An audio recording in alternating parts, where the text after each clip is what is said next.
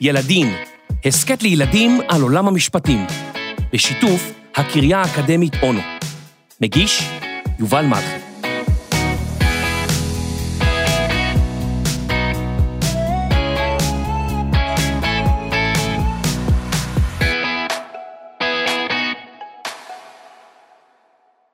פרק 2 זיהום בים תום ומאיה התרגשו מאוד לקראת החופש הגדול. הם החלו לתכנן ביניהם תוכניות לאיזו קייטנה ילכו, אילו סרטים יראו, ומתי ילכו לים ומתי לבריכה.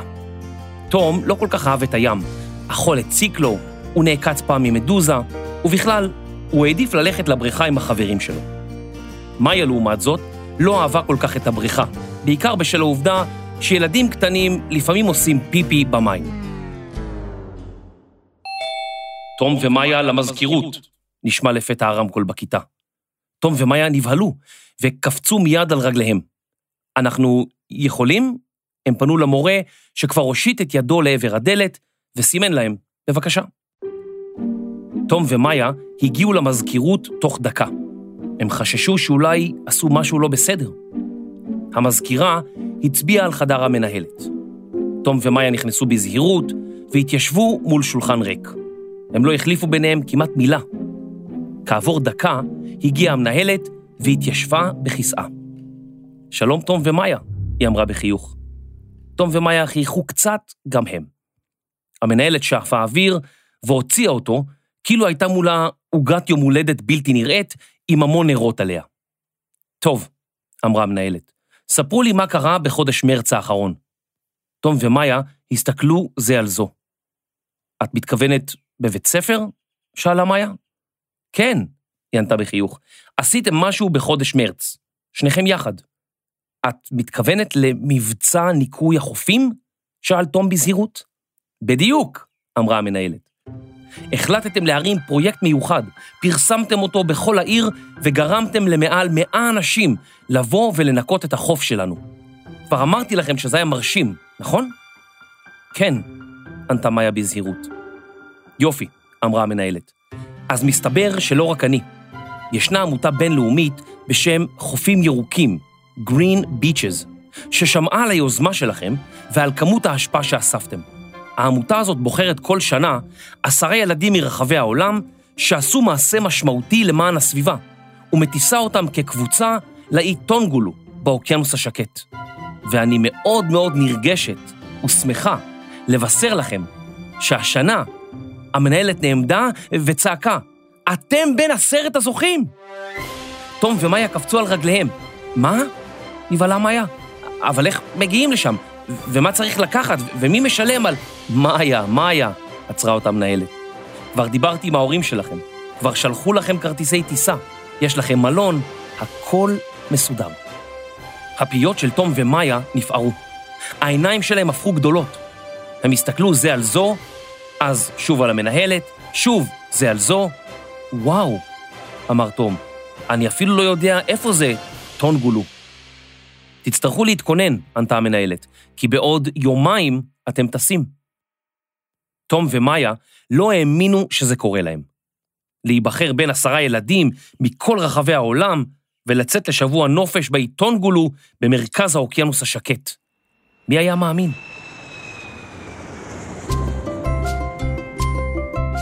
תום ומאיה ישבו נרגשים במטוס הקטן שהטיס אותם לאי. הם כבר היו למעלה מ-20 שעות בדרכים וחיכו להגיע ליעדם. לפתע נשמע קול במטוס. כאן פגי, הטייסת שלכם. אם תביטו למטה, תוכלו לראות אי קטן מוקף בשונית אלמוגים. החול בצבע לבן, המים בצבע טורקיז, הטמפרטורה... תום ומאיה הביטו החוצה מהחלון. שניהם חשבו בדיוק באותו רגע שזה הנוף היפה ביותר שהם ראו אי פעם. הדיילת ליוותה אותם לנציגה של חופים ירוקים שחיכתה בטרמינל הקטן. מסביב היו להקות שניגנו, רקדניות, ואפילו גברים שרקדו בחצאיות קש. אל תיבהלו, אמרה הנציגה, ברוכים הבאים למקום הכי יפה עלי אדמות, האי טונגולו. היא חייכה והוסיפה, עוד נדבר בערב מדוע נבחרתם, וגם תכירו את שאר החברים והחברות בקבוצה. אבל עכשיו, בואו לחדרי המלון שלכם, מחכה לכם שם אוכל ותוכלו להתרחץ ולנוח קצת. מאיה, את תהיי בחדר עם לין מסין, ותום, אתה בחדר עם חורכה מקולומביה. תום ומאיה פגשו את חבריהם לחדר, סיפרו קצת סיפורים על המקום מהם באו וכיצד זכו בפרס.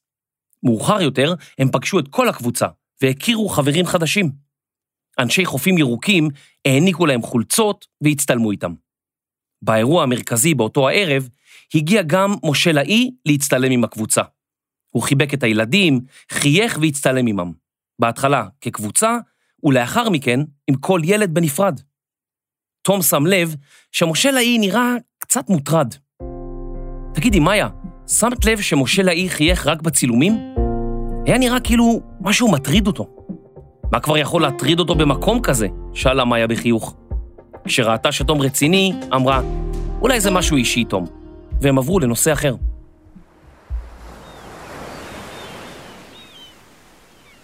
למחרת היה יום חופשי, ותום ומאיה החליטו ללכת על החוף ולנסות להקיף את האי. הם יצאו מצידו המערבי של האי והחלו ללכת לאורך החופים. מאיה הרימה צדף שמצא, ואמרה לתום, תראה איזה צדף יפה. את יודעת שבעברית קוראים לצדפים שמוצאים בחוף הים קשבות? שאל תום. מאיה הסתכלה על תום במבט מוזר. מה נהיית? אבשלום חום? תאסוף אתה כסבות, היא קראה לעברו בצחוק והחלה לרוץ על החול. תום רץ אחריה, כאשר לפתע מאיה נעצרה. במקום שמשקיף על הים, הם ראו את משה לאי. השניים ניגשו אליו ואמרו לו, שלום. הוא הסתכל עליהם ועל החולצות שלבשו, ומיד זיהה אותם. שלום ילדים, הוא אמר באנגלית, מה שלומכם? בסדר, תודה, הם אמרו. ומה שלומך? שאל תום בזהירות. בסדר, ענה המושל בקול יבש, שהבהיר לילדים שמשהו ממש לא בסדר. תום ומאיה הסתכלו לאופק, להיכן שהמושל הסתכל. יואו, תום, סתכל, אמרה מאיה. תום הסתכל וראה את מה שמאיה ראתה, ואת מה שמשה לאי ראה גם הוא. כתם בצבע שחור ירוק באמצע המים בצבע טורקיז. יואו, אמרה מאיה לתום, מה זה? למרות שמאיה דיברה בעברית, מושלאי הבין מה היא שאלה. יש לנו איש שכן בשם פונגולו, שנמצא במרחק של כ-20 קילומטרים מאיתנו. באי הקימו מפעל שמייצר חולצות צבעוניות. הבעיה היא שכל הכימיקלים מהצבעים נשפכים לים.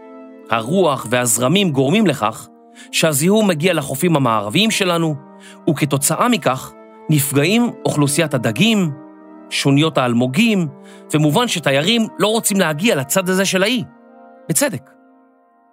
מאיה ותום שתקו. משהו לא הסתדר כאן. ניסית לדבר איתם? שאלה מאיה. כן, הם אמרו שזה יקר מדי לבנות מערכת שאוספת את המים עם הכימיקלים, וחוץ מזה, הם שופכים את המים המזוהמים בשטח שלהם.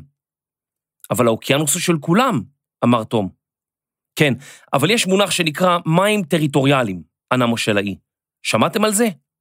כן, אמרה מאיה, לכל מדינה יש כ-20 קילומטרים מהחוף לים שנחשבים שלה. היא יכולה להחליט מה קורה במים האלה, למשל, לאילו ספינות מותר לעבור במים שלה, ולאילו אסור. מאיפה את יודעת את זה? שאל תום. שיעור גיאוגרפיה, ענתה מאיה. אתה יודע, זה השיעור שבו אתה משלים שעות שינה. אה, אמר תום. אז אתם מבינים, אמר משה לאי. אין משהו שאנחנו יכולים לעשות. הוא הרים מעט את כובעו ונפרד מהם. תום ומאיה עמדו על שפת הים והסתכלו כיצד הכתם הירוק שחור מתקרב לעברם. זה נורא, אמרה מאיה, פשוט נורא. מה כל כך נורא כאן? נשמע לפתע קול מאחוריהם. השניים הסתובבו במהירות. הם לא שמו לב שמאחוריהם נעמדה אישה וכובע גדול לראשה. סליחה שציטטתי לכם לשיחה, היא אמרה. פשוט מאוד הופתעתי לשמוע כאן עברית. אני מאיה, אמרה מאיה, וזה תום. נעים מאוד. אני תמר, אמרה האישה. מה אתם עושים כאן לבד? פגשנו כאן את משה לאי, ענה תום. איזה מסכן. למה מסכן? שאלה בפליאה האישה דוברת העברית. בגלל זה, אמרה מאיה והצביעה על הכתם שהתקרב לאי. אוי, לא, אמרה תמר. זה מהאי השכן פונגולו. יש להם מפעל לצביעת חולצות, והם שופכים את המים המזוהמים לים. מושל טונגולו לא יכול לעשות כלום, כי זה במים הפריטוריאליים שלהם, אמר תום. טריטוריאליים, תקנה אותו מאיה. היא חייכה ואמרה, פעם הבאה תתעורר יותר מוקדם בשיעור גיאוגרפיה. תום נתן לה מכה קטנה עם המרפק. זה לא נכון, אמרה תמר. אסור להם לעשות את זה. למה? שאלו שני הילדים יחד. ובכלל, מי את ומה את עושה כאן? קוראים לי תמר רוסטובסקי ברנדס. באתי לכאן לכנס של משפטנים מכל העולם. את עורכת דין? שאלה מאיה. אני מרצה למשפט בינלאומי בקריה האקדמית אונו. היא ענתה. שני הילדים נראו מופתעים. את מכירה את אלעד פינקלשטיין? הם שאלו בהתרגשות. בטח, ענתה תמר. עכשיו, היא הייתה מבולבלת. אתם מכירים אותו? הוא שכן שלי, ענתה מאיה. איזה עולם קטן, השיבה תמר. רגע, אמר תום, שנראה כאילו הוא עומד להתפוצץ. אסור לאי השכן לעשות מה שהוא רוצה במים שלו? למה זה אסור? ומתי? תמר חייכה והרימה את ידה. רגע, תום, בוא נשב רגע על החול ואני אסביר לכם. תראו, יש דבר כזה שנקרא חוק בינלאומי, אמרה תמר. החוק הבינלאומי הוא מערכת של כללים שקובעים מה מותר ומה אסור למדינות לעשות. במדינת ישראל, אצלנו, הכנסת קובעת את החוקים, ומי שנמצא במדינה צריך להתנהג בהתאם לחוקים של מדינת ישראל שקבעה הכנסת. עכשיו אנחנו לא בישראל, אנחנו באי טונגולו. וכאן, באי טונגולו, החוקים שקובעים מה מותר לעשות הם החוקים של טונגולו. החוק הבינלאומי קובע מה מותר למדינות לעשות אחת כלפי השנייה ביחסים ביניהן. רגע, אמר תום, אבל מי בעצם קובע את החוקים האלה? החוק הבינלאומי נקבע בכמה דרכים. דרך אחת היא אמנות. אמנה זה בעצם הסכם בינלאומי. זה הסכם בין מדינות, יכול להיות בין מעט מדינות ויכול להיות בין הרבה מאוד מדינות, שבו המדינות מסכימות ביניהן שפעולות מסוימות תהיינה אסורות, שיהיו דברים שאסור לעשות אותם. למשל, יש אמנה שנקראת האמנה בדבר חוק הים. האמנה הזו היא אמנה שנחתמה ב-1982, והיא כוללת הרבה מאוד כללים לגבי מה מותר ומה אסור לעשות בים. בין היתר, היא קובעת, למשל, שאסור לזהם את הים. בנוסף לאמנות, יש במשפט הבינלאומי גם חוקים לא כתובים, שנקראים מנהגים. מנהגים הם כללים שלמרות שהם לא כתובים בשום מקום, כולם יודעים שאסור להפר אותם. כמו שבבית ספר יש דברים שאסור לעשות למרות שהם לא כתובים בתקנון. ועדיין ברור שמי שעושה אותם עשה מעשה שהוא אסור ועלול אפילו להיענש. אבל מה אם מדינה מחליטה לא לחתום על ההסכם או האמנה הזאת? שאלה מאיה. אז היא לא חייבת לציית לכללים? גם אם מדינה לא חתומה על אמנה, עדיין יכול להיות שהיא תהיה כפופה לכלל שהוא כלל לא כתוב, שהיא חייבת לציית לו אפילו אם היא לא הצטרפה ולא חתמה על אמנה שהיא אמנה כתובה. אז אם מדינה לא מצייתת לחוקים, שאל תום, מה עושים? אפשר לתבוע אותה בבית משפט? ובכלל, איזה בית משפט? יש כל מיני פתרונות אפשריים אם מדינה מפרה את המשפט הבינלאומי. קודם כל, גם במשפט הבינלאומי יש בתי משפט, רק שבדרך כלל לא קוראים להם בתי משפט, קוראים להם בתי דין, אבל זה אותו דבר. בהרבה מאוד מקרים אפשר לפנות לבתי הדין האלה ולהגיש תביעה, להתלונן נגד המדינה שהפרה את המשפט הבינלאומי. יש גם מנגנון שנקרא בוררות. בבוררות שתי המדינות שיש ביניהן סכסוך, שיש ביניהן חוסר הסכמה, בוחרות מישהו שיחליט, מישהו שהן מסכימות עליו. ולפעמים, וזאת הדרך הכי טובה, אפשר גם לפנות אל גישור. בגישור, שתי המדינות בוחרות מישהו שמנסה לעזור להם להגיע להסכמה לגבי המחלוקת ביניהן, לפתור את הסכסוך באמצעות הסכמה. אוקיי, אמר תום, אז צריך הסכמה. אבל זה נכון מה שפונגולו אומרים? שהם יכולים לעשות מה שהם רוצים במים הטריטוריאליים שלהם? תראו, מים הטריטוריאליים הם 22 קילומטר שצמודים לחוף, שהם נחשבים כשטח של המדינה. באופן עקרוני, הם כמו הקרקע, הם שייכים למדינה מסוימת. אבל זה שמדובר בחלק משטח של המדינה, לא בהכרח אומר שהמדינה יכולה לעשות שם כל מה שהיא רוצה. ובטח ובטח שהיא לא יכולה לעשות כל מה שהיא רוצה, אם זה פוגע באחרים, כמו למשל במצב שבו זה פוגע במדינות אחרות. אז מדינה יכולה למשל להחליט שרק לדייגים שלה מותר לדוג במים הטריטוריאליים, והיא לא חייבת לתת לדייגים של מדינות אחרות לדוג במים הטריטוריאליים שלה. אבל זה לא אומר שמדינה יכולה לזהם את המים הטריטוריאליים, או שמדינה יכולה לשפוך למים הטריטוריאליים של החומרים שיכולים להגיע לים הפתוח, או שיכולים אפילו להגיע למדינות אחרות. וואו, אמרה מאיה. היא הסתובבה לתום ואמרה, תום, זה אומר שבעצם אסור לפונגולו לזהם. מאיה פנתה לתמר ושאלה, אז מה את מציעה שנעשה? תראו, קודם כל, אני חושבת שכדאי ללכת למושל פונגולו ולהסביר לו שהוא טועה, שזה לא נכון שמדינה יכולה לעשות במים הטריטוריאליים שלה כל מה שהיא רוצה. יכול מאוד להיות שאחרי שמושל פונגולו יבין את זה, ויבין שבעצם אסור לו לשפוך מים מזוהמים לתוך הים, הוא ירצה למצוא פתרון בהסכמה, פתרון שיתאים לשתי המדינות.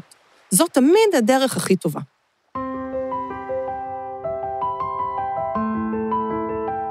מאיה ותום נפרדו מתמר ורצו למושל האי.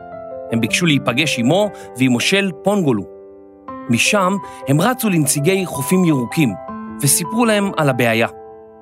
אחד מאנשי חופים ירוקים שלף חוברת מתיקו ובו תמונה של מפעל טיהור שהוקם על מנת לטהר מים עם כימיקלים. למחרת שטו הילדים עם מושל האי לפונגולו. הם סיפרו למושלי האי שניתן לפתור את הזיהום הימי בעזרת מפעל לטיהור שפכים. אבל מאיפה נשיג את הכסף? שאל מושל פונגולו. הוא לא ידע שלתום ומאיה כבר היה רעיון. בדרך חזרה מפונגולו הם נעצרו ליד הכתם השחור והחלו לצלם. הם סיפרו למצלמה על הכתם ועל הזיהום שגורם לנזק בלתי הפיך לאלמוגים, לדגים ולתיירות באיים המדהימים הללו. הם צילמו את שונית האלמוגים ואת החופים היפהפיים וביקשו את עזרת הציבור בגיוס הכסף למפעל. באותו ערב, לאחר שערכו את הסרטון, נפגשו עם שאר חברי קבוצת חופים ירוקים. הם סיפרו לשאר התלמידים על שארה, וביקשו מהם לשתף את הסרטון ברשתות החברתיות. הם גם העלו אותו לאתר גיוס המונים. כל הילדים החלו לתקתק במכשירים שלהם, לשתף את הסרטון ולקרוא לכל החברים שלהם לשתף ולהפיץ הלאה. כמה שעות לאחר מכן, כבר היו תום ומאיה על המטוס. מלמעלה הם ראו את האיים, שוניות האלמוגים, המים בצבע טורקיז והחול הלבן. הם תהו מה יעלה בגורל האי, והאם טונגולו ופונגולו יצליחו לפתור את המשבר ביניהם. הם לא ידעו ולא יכלו לדעת, כי באותם רגעים הסרטון שלהם הפך ויראלי בכל העולם. אנשים שיתפו אותו באינסטגרם, בפייסבוק, כוכבי טיק טוק שידרו קטע ממנו, ארגונים להצלת בעלי חיים וארגוני איכות הסביבה, כולם שיתפו אותו. הם קראו לצופים ולחברים שלהם להציל את האיים. כשתום ומאיה נחתו בארץ, לא היה להם מושג שתוך 24 שעות הכסף למפעל נאסף במלואו. הילדים ירדו מהמטוס, גררו את המזוודה שלהם וגם את הרגליים. באותם רגעים ממש עמד מושל טונגולו מול המחשב. הוא צפה באתר גיוס ההמונים ובאור הירוק המהבהב, שהכריז כי כל הכסף הדרוש למפעל לטיהור שפכים נאסף. תום and מאיה, הוא מלמל לעצמו. תום and מאיה. הוא החל לצחוק בקול רם, שהלך והתגבר, תוך כדי שדמעות חמות של אושר זלגו לו על הלחיים.